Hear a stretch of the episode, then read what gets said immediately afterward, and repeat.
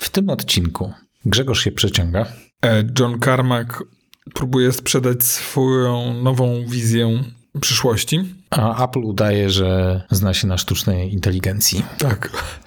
Nic więcej nie dodam. Zapraszam. Zapraszamy.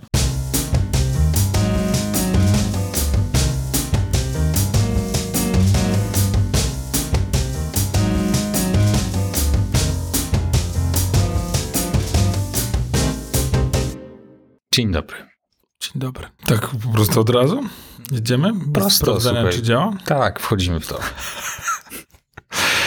Dzień dobry, Michale. Dzień dobry, Grzegorzu. Piękny dzień się nam zapowiada. Mm. Chyba będzie słoneczko. Tak, może śnieg puści, odpuści. E, mam nadzieję, że będzie leżał. My dzisiaj ognisko odpalamy Mhm. z moim bratem, z jego rodziną. Kiełbaski będą. I tyle normalnie. Po prostu, wiesz, pełne szaleństwo. Wczoraj jak zasypało śniegiem, to pomyślałem, kniec palę w kominku. Przyjechali znajomi, zrobiło się 28 stopni i prawie się wszyscy zaczęli rozbierać. Wszystko przebiegało zgodnie z planem. No bo ona lubi jak jest ciepło.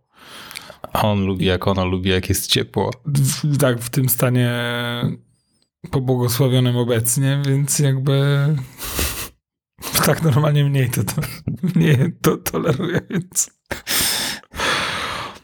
tak, także wczoraj się absolutnie mm, wygrzyliśmy.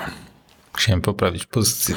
A wczoraj po południu bardzo ciepło o tobie myślałem, Dlaczego tylko po południu? bo mm, zająłem się tematem. Ja bardzo wcześnie wstaję, więc jak trafił się klient, któremu bardzo wcześnie wsta, e, bardzo, e, bardzo wcześnie pasowało, żeby mu pomóc, to zająłem się tym osobiście ja. Nie udało mi się z tego skończyć rano. Zacząłem to robić po południu. Okazało się, że nie. Też nie dam rady i przerzuciłem to na e, to zadanie na, na mojego współpracownika i właśnie do mnie dotarło. Gdyby ten klient zmigrował system po prostu na czysto i przeniósł sobie dane, to nie byłoby tego problemu. A trik polegał na tym, że po migracji przez Time Machine program nie chciał działać. Em, Więc gdyby to zrobił tak, jak ty robisz, New Can Pave, chociaż wiem, że, na, że ostatnio tego nie zrobiłeś, no ale gdyby to zrobił w ten sposób, to, to by było na czysto i nie byłoby problemu. Niestety jest... Apple nie idzie na rękę ludziom, którzy lubią robić czyste instalki i z roku na rok to się staje coraz bardziej skomplikowane.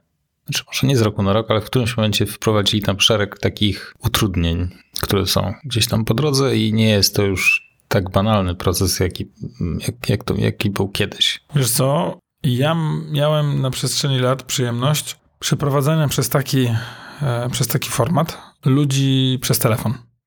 Na przykład e, dzwoni do mnie pani, mówi, że ona potrzebuje pomocy, opisuje swój problem. Ja mówię, no brzmi jak, że trzeba jej pomóc sformatować komputer, albo ona właśnie, albo inna klientka okazuje się, że go kupiła i że musi go wyczyścić i tak dalej. No i pani jest na przykład w Norwegii albo w Szwajcarii. I myślę sobie, damy radę, nie? I przeprowadzałem za rękę na zasadzie zdjęcia i ktoś robi zdjęcia, wysyła mi to, co, to, co widzi na ekranie. Ja mówię, co trzeba wybrać, co trzeba przytrzymać, jak ten komputer uruchomić i tak dalej. Mam wrażenie, że to nigdy nie było proste. Mam wrażenie, że to zawsze było dosyć skomplikowane. No, na pewno teraz jest trudniej niż było to 4 lata temu. Może w ten sposób. Nie wiem, nie wiem, czy teraz byś to zrobił przez telefon, bo już ten poziom wejścia jest tam naprawdę, naprawdę gruby. Wiesz co, akurat paradoksalnie częściej było, mm, było problemem to, żeby przekonać właśnie, że damy radę. Że psychiczny aspekt tego, nie? W sensie ty stałeś przed lustrem i mówiłeś sobie, damy radę, damy radę, you the man. Nie, no właśnie na przykład, żeby ktoś cię wpuścił na inny komputer, żeby, żeby, albo żebyś jeszcze był podczas robienia backupu. Hmm.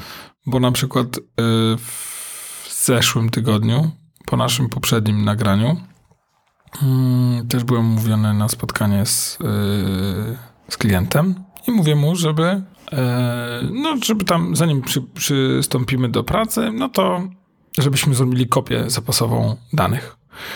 On mówi, nie ma sprawy, wszystko zrobiłem. Ja mu mówię, hej, wiesz co, ale to są bardzo ważne twoje dane. Więc ja bym wolał, żebyśmy je, żebyśmy jednak skopiowali. Jeszcze raz. A on mówi, ale nie mam co tracić czasu. Zobacz i pokazuje mi dysk. One tu są. Ja mówię, jakby, no nie obraź się, mamy taką zasadę never trust the user. Jakby zawsze wolałbym to zrobić sam. Poza tym mówię, zobacz, jak, tak, jak będziemy czekać, aż się to zrobi, to może w tym czasie zróbmy kopię zapasową, nie? No i dobra. Zrobiliśmy sobie kop- kopię zapasową. Ech. Za 15 czy 20 minut podłączamy ten dysk, na który on zrobił kopię zapasową, bo my zrobiliśmy na inny. A dysk się nie uruchamia. I klient się, że tak powiem, zestresował i nie dziwi mu się, jak się taki dysk z tak ważnymi danymi nie uruchamia. No, Ale mówię, jakby nie przejmuj się, to prawdopodobnie jest tylko to i to. On się podniesie, to my się zajmijmy pracą, jakby jedźmy z tym. Mijają dwie godziny robienia jakichś tam zadań i w międzyczasie jakoś tak powiedziałem, czemu mogło się to wywalić, czemu ten dysk mógł przestać działać. I on mówi tak, no tak, bo jak robiłem to, tą kopię z danych, nie, to mi wywalił error, że nie dał rady Znaczy on powiedział, tak? tak, i on tak mówi, że jakby to mi wywaliło tutaj error, że nie skopiowało wszystkich. A to był taki plik na zasadzie, że jak jest uszkodzony, to koniec, nie ma tak, że część masz. Ja mówię, i mówisz mi o tym teraz? Po 15 minutach próby przekonania mnie, żebym ja nie robił kopii zapasowej twoich danych, a ty mi mówisz teraz, że ta kopia się wywaliła. Mówię, to są wszystkie twoje dane. Ty byś mnie powiesił, gdyby w, w czasie tego procesu, który my wykonujemy, jakby to prze, przepadło, a jakby proces zakłada pewne, jakby usunięcie pewnych fragmentów danych, więc jakby spokojnie można założyć, że jakby coś pójdzie nie tak i trzeba będzie się do czegoś, czegoś cofać. I ja mówię, zobacz, mówiłem, never trust user, a ty mówiłeś, że tobie można i tak dalej. Mówię, pokazywałeś mi ten, ten dysk, nie? No, także, także takie przygody w informatyce. Mrożąca krew w żyłach historia. Wiesz co? Y, To były tego typu dane. To były tego typu dane, nie? Mnie by, mnie by zmroziło. Nie? I nie backupuje tego regularnie jakoś gdzieś E, na serwer? No, regularnie, co roku, nie? Co No jakby- tak, okej, dobrze. jakby- To wystarczy. tak. No ale to jakby też w tym tygodniu rozmawiałem z klientem i on opowiadał historię sprzed jakby poznania nas i powiedział właśnie, że nie wiem, no migrowali pocztę między e, e, usta ustawieniami, zamienili SMTP na iMapa e, no i pozamiatało im wysłane. Wyobraź sobie, że nie możesz korzystać z historii wysłanych swoich maili, żadne oferty, nic. Nie wiem, czy czytałeś, wysłałem ci link do artykułu z Johnem Carmackiem. Bardzo przykro, ale nie. Liczę na to, że mi opowiesz, co jest w tym artykule. Nie starczyło mi wczoraj już czasu. No, ciekawa historia, bo z tym jego odejściem z mety, ponieważ John Carmack, legenda Doliny Krzemowej, dla niewtajemniczonych, współtwórca, właściwie twórca Quake'a, Duma, zapoczątkował rewolucję trójwymiarowych gier. Sam stwierdził, że prawdopodobnie gdyby on tego nie zrobił, to nastąpiłoby to wiele, wiele lat później. W którymś momencie wyszedł z tego segmentu gier, zajął się wirtualną rzeczywistością, mm, mocno rozwijał Oculusa, Oculus został przejęty przez Metę, przeszedł do Mety, no i w, pod koniec zeszłego roku właśnie odszedł z Mety, no i wszystkim się wydawało, że było to podyktowane tym, co się działo w Mecie i że był po prostu sfrustrowany całym tym bałaganem. W pewnym sensie tak, męczyło go to, co się, co, co się tam działo, ale zmienił obiekt zainteresowań, jakby zupełnie coś innego. Zaczęło chodzić mu po głowie w którymś momencie i zaczął się interesować sztuczną inteligencją. Ale nie taką sztuczną inteligencją, jaką teraz właśnie znamy z e, ChatGPT i Midjourney, tylko Artificial General Intelligence. To jest jakby ten, to jest ta prawdziwa symulac- symulacja tego, jak ludzki umysł myśli, ponieważ to, co mamy na chwilę obecną, to nie jest prawdziwie myśląca sztuczna inteligencja, tylko to jest e, łączenie pewnych danych ze sobą. I ten algorytm nie potrafi myśleć abstrakcyjnie. No i on sobie wziął za punkt honoru, żeby jakby rozgryźć to w końcu. i twierdzi, że to jest do osiągnięcia w okolicach 2030 roku mniej więcej. Parę lat temu dawał temu tak 50 na 50% szans, że to będą okolice 2030 roku. Teraz widzi to bardziej 60 na 40, a okolice 2050 roku to jest 99% szans, że to już powstanie. No i ta wizja, którą roztoczył w tym, w tym artykule jest dość przerażająca, bo zakłada sobie, że na przykład jakby chciał, e, jakby chciał, jakby chciał stworzyć komiks, to e, w tej rzeczywistości, w której ta sztuczna General Intelligence już jakby będzie istniała, to będziesz mógł dawać komendy serwerowi albo chmurze, na której ta sztuczna inteligencja jest postawiona i napiszesz, że albo powiesz, powiesz, że potrzebujesz trzech osób do zespołu, wirtualnych asystentów. Jeden niech się zajmie tworzeniem scenariusza, drugi niech to narysuje, trzeci pokoloruje i tak dalej. I to będą wirtualni asystenci, którzy to po prostu wygenerują. Oczywiście mogłaby być to jedna postać, ale jakby stwarza wizję zespołu, który mógłbyś sobie stworzyć tak za kiwnięciem palca. I to byłyby po prostu boty, które by ci tworzyły historię, które by ci rysowały. I oczywiście byś płacił za ten dostęp, no bo to wymaga jakiejś mocy obliczeniowej. Natomiast jakby on widzi to w ten sposób, że to w tę stronę zmierza. I co więcej, uważa, że nie potrzeba na to przepalić dziesiątek miliardów dolarów, tak jak robią to właśnie teraz OpenAI z Microsoftem, bo to, co robią teraz, to jest taka droga na skróty. A tak naprawdę chodzi o stworzenie jakiegoś sensownego kodu, który rozgryzie ten cały. Czy, jeśli dobrze rozumiem, to droga na skróty polegająca na zalewaniu problemu pieniądzem, czyli jakby po prostu gigantyczne nakłady środków i gigantyczne moce obliczeniowe, które no jakby pokonają ewentualny sprytny coach, który by też to zrobił. On zresztą też w tym wywiadzie przyznaje, że nie znał się na sztucznej inteligencji zupełnie, ale zrobił research y, od znajomych, którzy siedzą w tym po uszy. Dowiedział się, jakie są materiały, które powinien poznać, więc przeczytał oczywiście wszystko od deski do deski, no i uważa się teraz, że już takiego, już nie jest amatorem.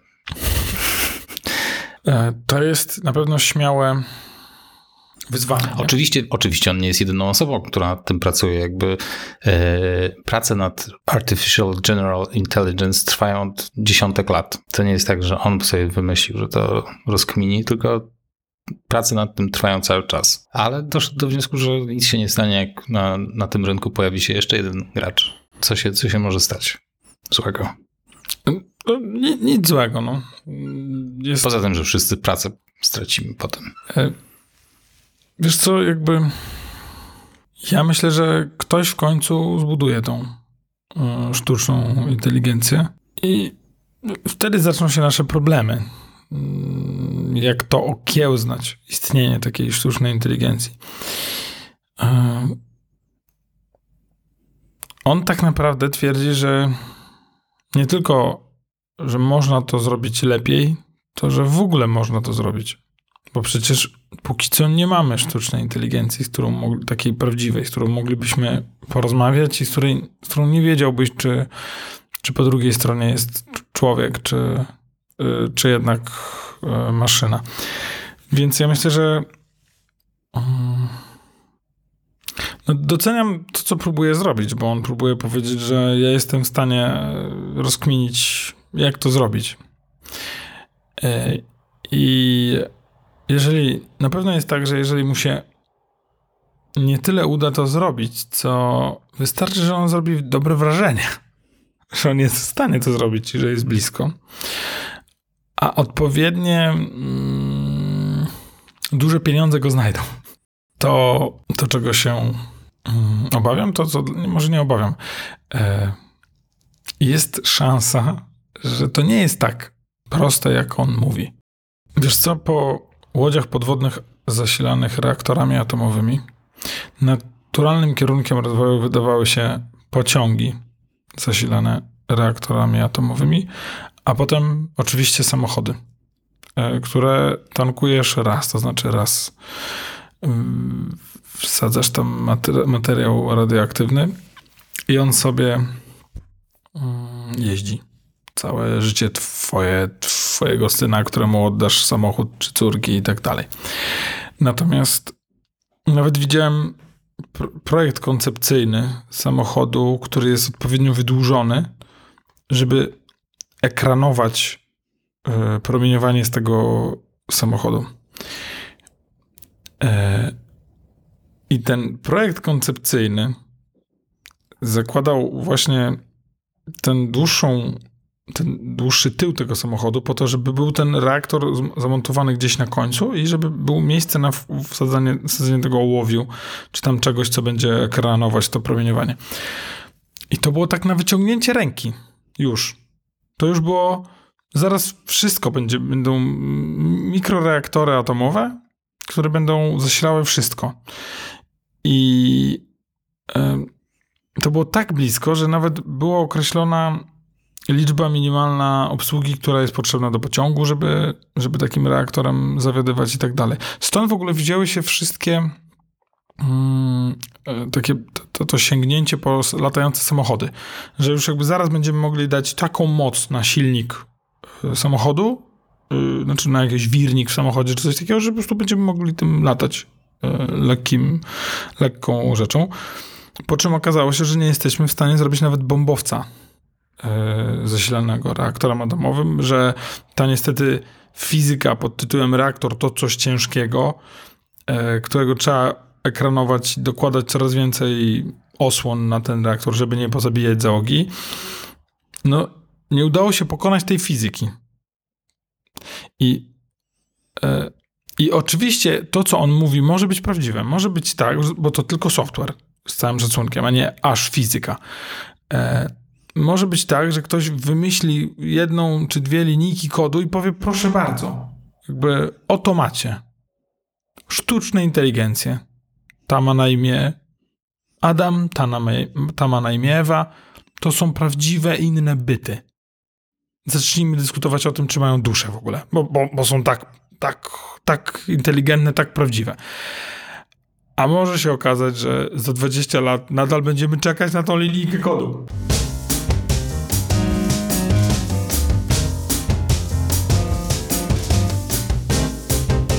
Wczoraj y, miała miejsce śmieszna rzecz. Nie jest to jeszcze tak w 100% potwierdzone, ale parę osób wrzuciło screeny e, z Binga, wyszukiwarki Microsoftu, która zaliczyła jakiegoś buga rano i pojawiła się obok pol, pola wyszukiwania opcja ChatGPT.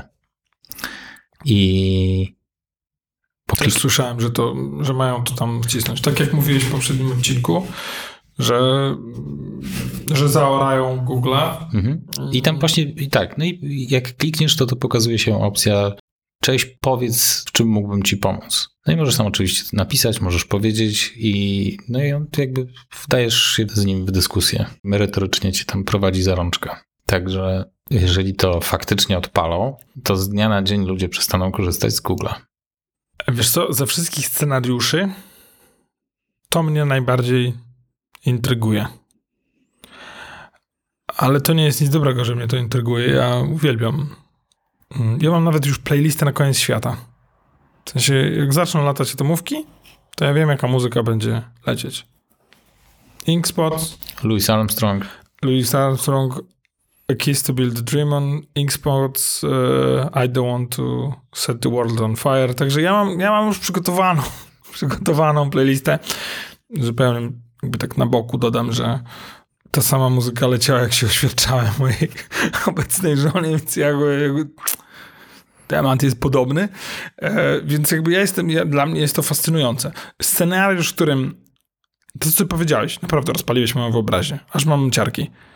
Że ludzie przestają korzystać z Google z dnia na dzień jest dla mnie najbardziej atrakcyjnym scenariuszem. Ale wiesz, to jest tak abstrakcyjne, jakbyś komuś dwa lata temu powiedział, że słuchaj, jest scenariusz, w którym Google z dnia na dzień straci swoją dominację na rynku, to byś powiedział, że, weź puknij się w czoło i daj mi święty spokój, bo to jest po prostu niemożliwe. Tak teraz to faktycznie tak wygląda. A Google, nie wiem, czy my rozmawialiśmy na ten temat, Google yy, boi się bardzo tego systemu.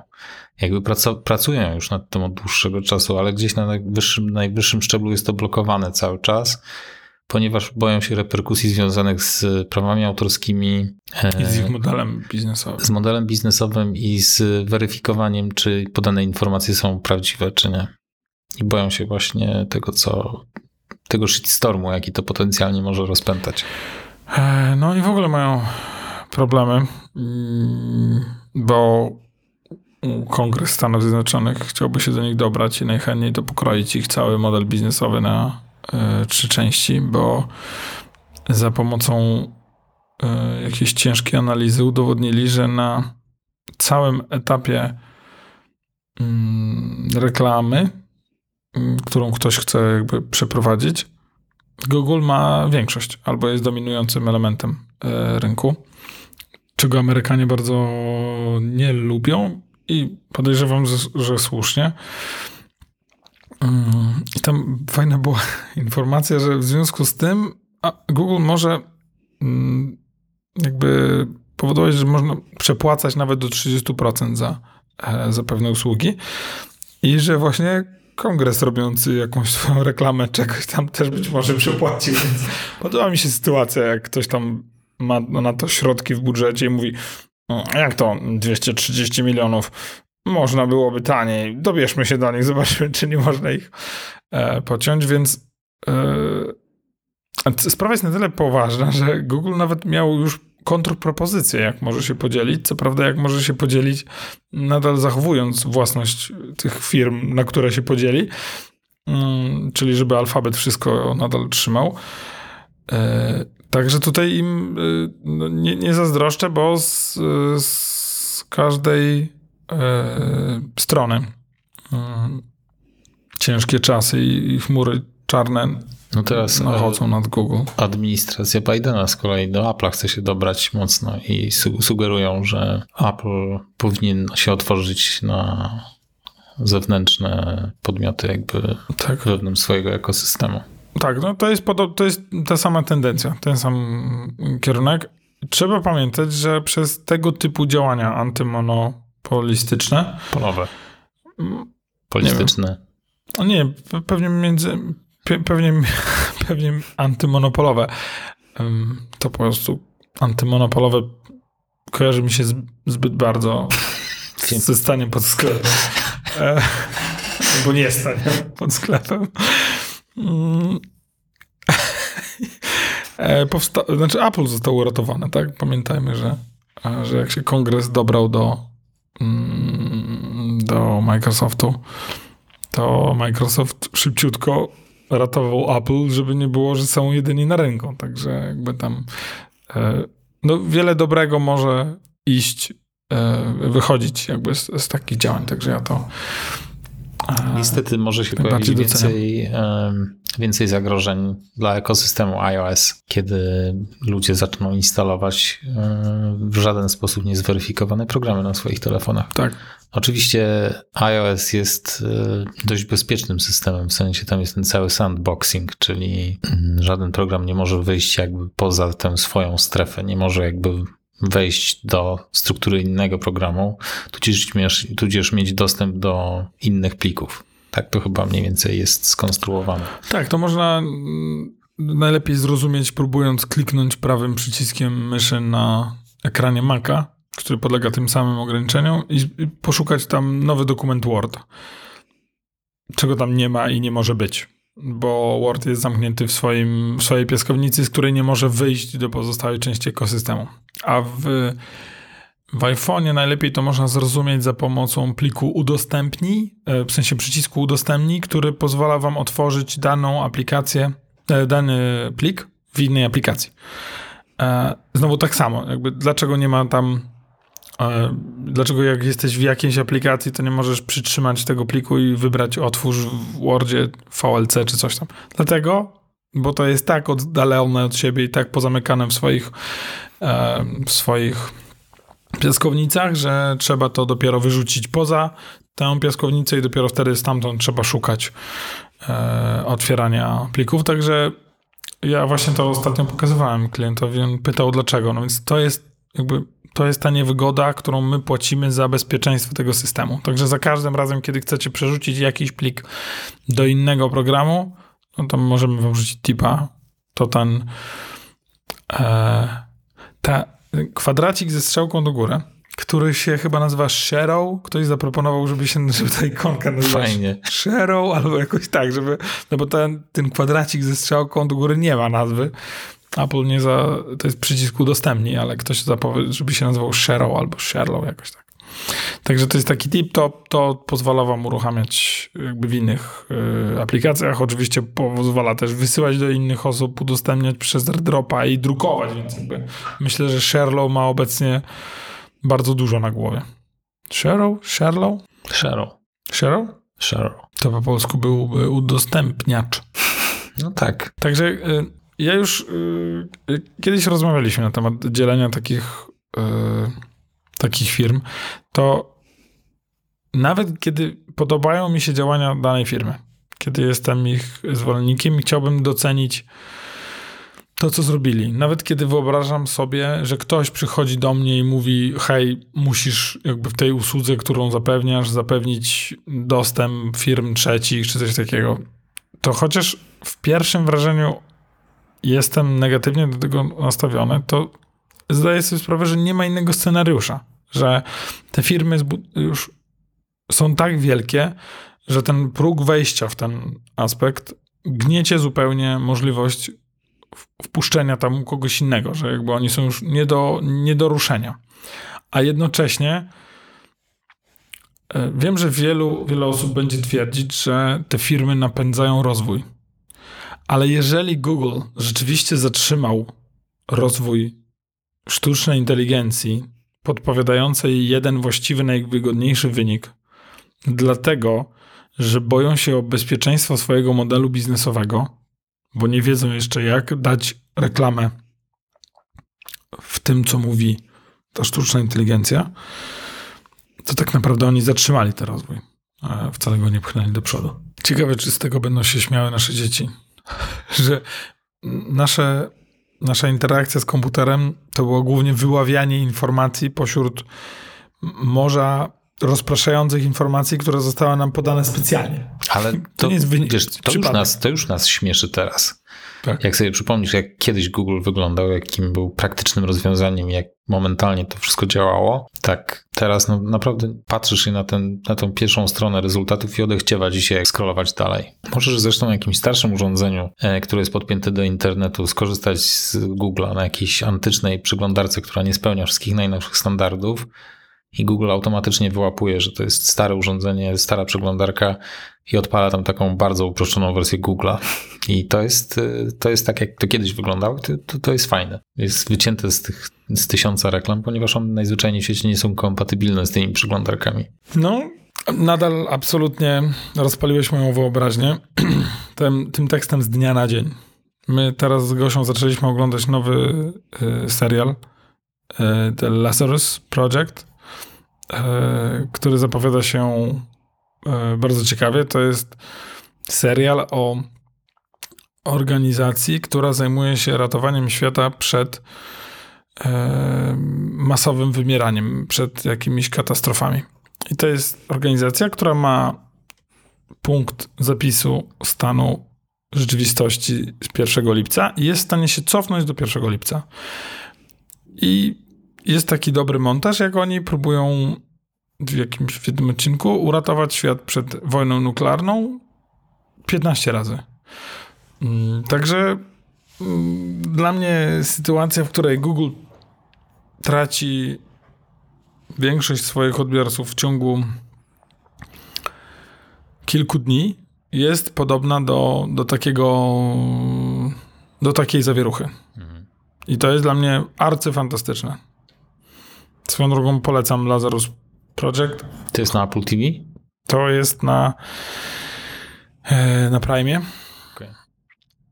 Na Apple TV oglądaliśmy zaczęliśmy oglądać Shrinking. Nie wiem, czy oglądałeś z Harrisonem Fordem, Nie, jeszcze nie. który jest tak samo zgorzkniały. Ja myślę, że jemu też, tak jak Garemu Oldmanowi y, w, w wolnych, w kulawych koniach mm, powiedzieli po prostu zagraj siebie.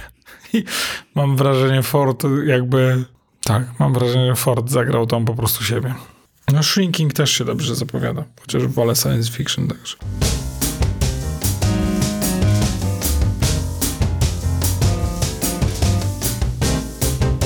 Przechodząc jeszcze na takie makowe tematy.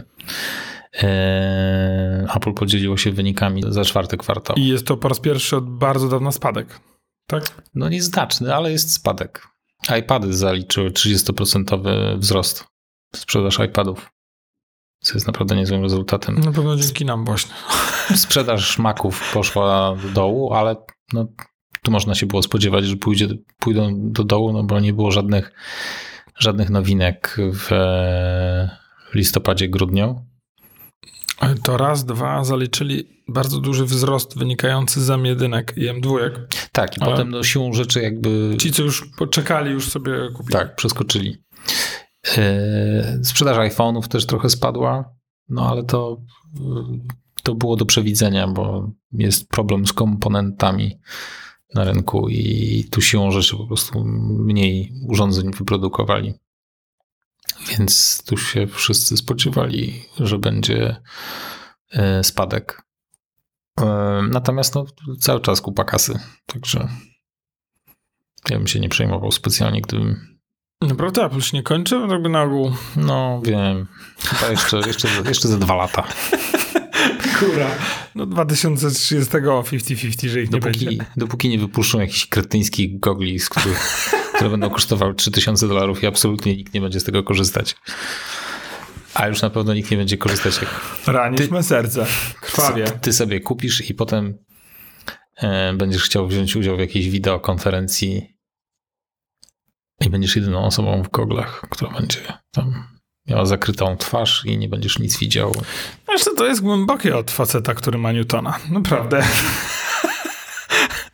To jest naprawdę... To było, to było dawno temu i nieprawda. To jest naprawdę... That's rich. Co więcej, pojawiły się, i to jest dopiero niezłe, dlatego nie staram się nie śledzić e, wszelkich plotek, bo ostatni tekst, jaki przeczytałem właśnie o goglach aplowskich jest taki, że dobrze, że siedzisz.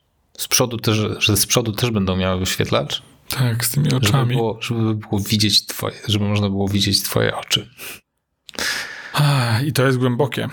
Dosłownie i przynośni. Nie wiem, czy rozumiesz, co oni chcą zrobić. Chcą ustawić ci ekran. Ale nie, nie, bo ty jakby mm, źle sformułowałeś to zdanie, ponieważ zakładasz, że tak będzie. A to jest plotka. To jest, e, e, tak, co chce, co, o czym mówi plotka? O tak, masz rację.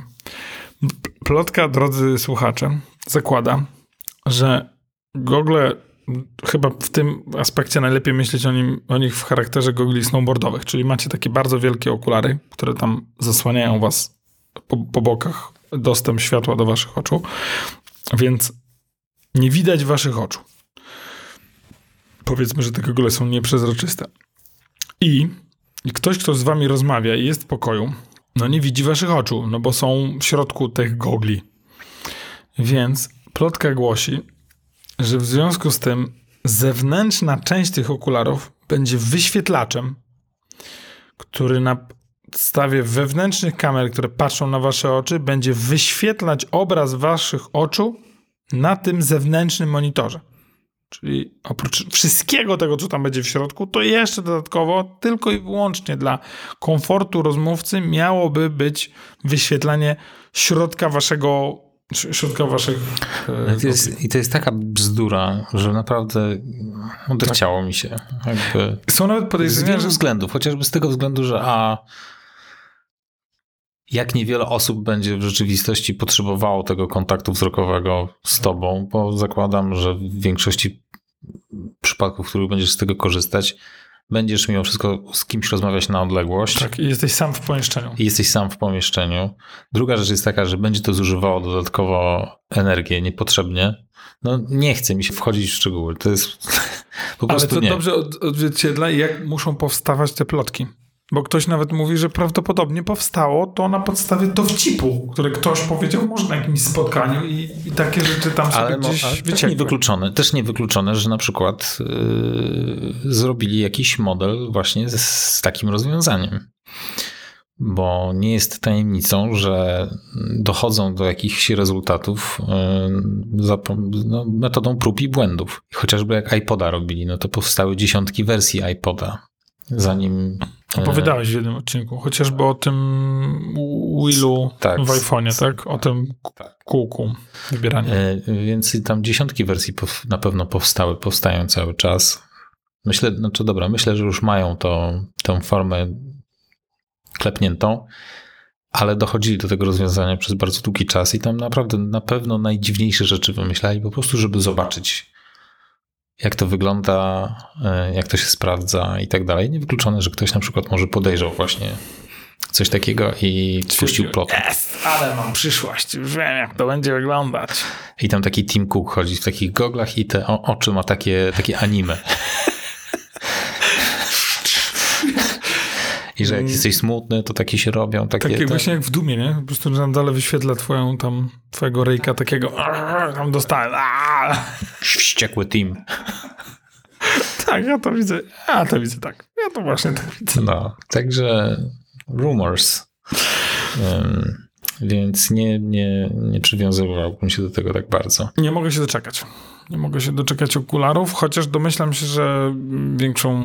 Wiesz, że w każdym odcinku powtarzasz to zdanie. Nie mogę się doczekać okularów. Tak. Chociaż domyślam się, że większym, większy wpływ na moją rzeczywistość będą miały yy, sztuczne inteligencje.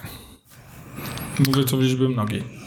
Apple mm, po y, opublikowaniu tych wyników za ten ostatni kwartał Apple zawsze urządza taką, takie spotkanie z dziennikarzami. Earnings call, tak? Earnings call. I mm, dziennikarze zadają różne pytania, no i właśnie jeden z dziennikarzy zapytał się Tima Cooka o to, jak się Apple zapatruje na sztuczną inteligencję. No i Cook oczywiście dość enigmatycznie odpowiedział, że oczywiście tak, jakby mocno się temu przyglądamy. No i jakby na przestrzeni ostatnich paru lat też poczyniliśmy duże e, kroki ku temu, żeby przybliżyć się w tę stronę. Zaimplementowaliśmy w iPhone'ach i w e, zegarkach systemy detekcji upadku. Naprawdę nawiązał tak, tędy? Tak. Dotknął crash detection i fall detection. To jest dla mnie naprawdę coś niebywałego. Albo w ogóle nie był przygotowany na to pytanie, albo oni naprawdę nie wiedzą, jak ugryźć tę sztuczną inteligencję albo mają już coś bardzo zaawansowanego. Wiesz co, podejrzewam, że nie. Podejrzewam, że jedyną właściwą odpowiedzią byłoby, że chcemy naprawić Siri o tą sztuczną inteligencję, bo to jest, to jest ta odpowiedź, którą ty chciałbyś usłyszeć. Tak, że jakby znaczy ja chciałbym usłyszeć, że może mają w końcu coś innego niż Siri. No rozumiem, ale jakby Apple nie zrobi, nie, nie zmieni tego na Siriusza. No właśnie. Sir. Serious guy. Że on się tym teraz zajmie. Więc jakby... Mm, nie, nie, rozumiesz, on nie, miał, nie, mógł, nie mógł powiedzieć nic innego. Ja wiem, ale nawiązanie do tego crash, de, crash detection i fall detection to jest, to jest, to jest tak żenujące, że... Tak, bo jakby ktokolwiek wie cokolwiek na temat sztucznej inteligencji, to wie, że tam nie ma tego. To są po prostu algorytmy, to jest, które mówią prostu, takie przeciążenie, takie przeciążenie, tak, wzywaj pomoc. To, to, są, to, są, to są dane z żyroskopu i, yy, i tyle, no, tak naprawdę. Tak, i tam nie ma żadnej inteligencji, że coś się dzieje. Jeszcze raz, gdyby była, to by nie było wzywane tych przypadkowo yy, tych, tej, yy, te, tych, tych ratowników, ale też pewnie byłyby przypadkowe wpadki. No, już na pewno bliżej sztucznej inteligencji jest Tesla, która jedzie sama samochodem i go rozbija, nie? To, tu, tu mówimy o jakiejś sztucznej inteligencji, tu się coś dzieje. On nie, on nie mógł być nieprzygotowany na to pytanie. Ja no. myślę, że we wszystkich scenariuszach, które jemu zbudował jego dział PR-u, powiedzieli, bardzo mi przykro, nie mamy nic lepszego, Siri jest lata za pozostałymi asystentami głosowymi, a pewnie do, chciał, do tego chciałbyś, szefie, do, nawiązać, bardzo mi przykro. Jedziesz w detekcję, wypa detekcję wypadków. I on mówi, detekcję wypadku, którą mamy od kilku lat i nic się w niej nie zmieniło? Dokładnie ni, ni, tak. Nic. Ni, nic. No niestety jedziesz w detekcję. No, no, jeżeli, jeżeli nie wejdą w to szybko, to bardzo wiele stracą. Znaczy nie, żeby byli liderem jakby w tej dziedzinie. Sirius mocno jakby jest w tyle. w tyle. Więc w sumie nic się nie zmieni. No, niestety. Niestety, ale może nas zaskoczą i gdzieś tam siedzą.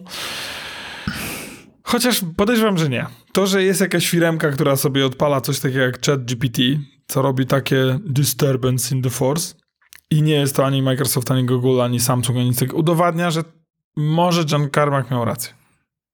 I tą klamrą chciałbym podsumowywać ten odcinek.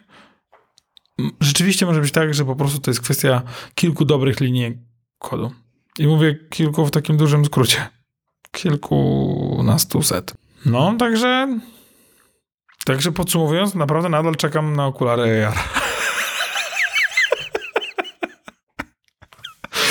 Tym, i tym, e, I tym radosnym podsumowaniem żegna się z wami Grzegorz Sobutka. Oraz Michał Krasnopolski. Do usłyszenia. Do widzenia.